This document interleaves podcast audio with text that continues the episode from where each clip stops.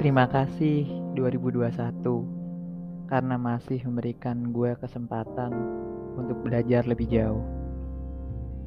Tahun ini adalah tahun yang menurut gue tahun yang luar biasa karena tahun ini telah mengajarkan gue banyak hal mulai dari belajar memahami diri sendiri mulai dari gue belajar untuk mengenali diri sendiri gue juga gue mulai belajar untuk memahami orang lain gue mulai belajar untuk beradaptasi kembali di tempat yang baru.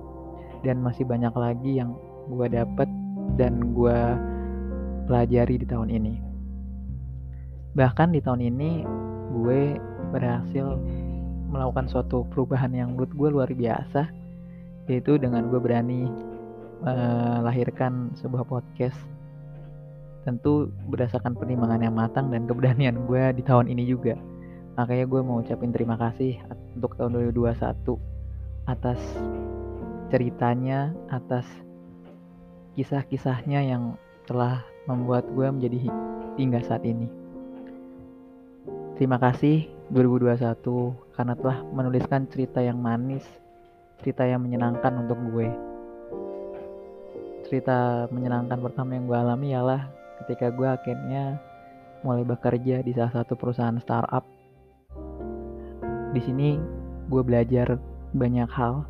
Belajar bagaimana manage waktu bagaimana gue membagi waktu gue bagaimana gue uh, menghadapi masalah bagaimana gue menyelesaikan suatu masalah bagaimana gue men-challenge diri gue untuk lebih baik bagaimana gue me memperbaiki diri gue memperkuat diri gue dan sebagainya.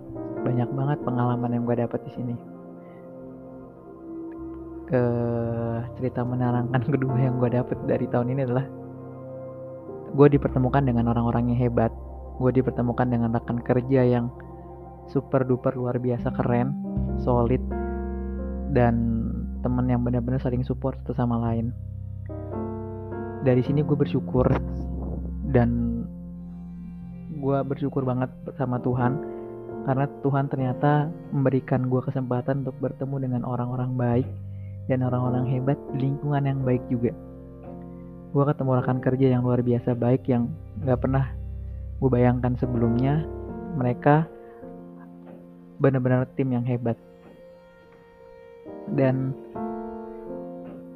uh, cerita yang menurut gue juga uh, cerita menyenangkan gue di tahun ini adalah di tahun ini gue dipertemukan dengan seseorang yang yang gak pernah gue duga sebelumnya.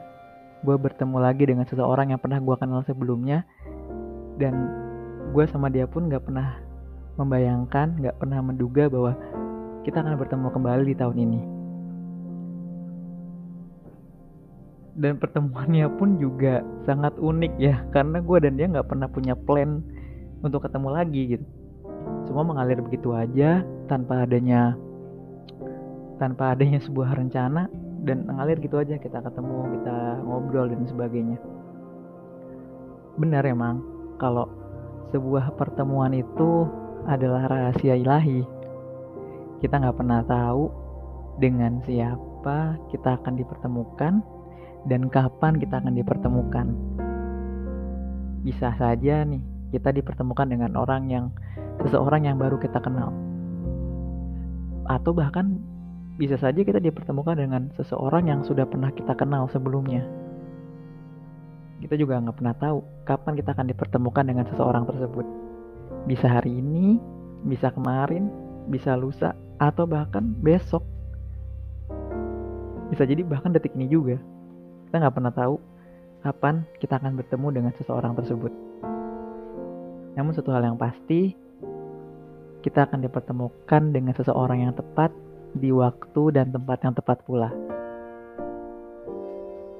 Gua sendiri sama dia udah hampir 2 tahun kita nggak pernah komunikasi.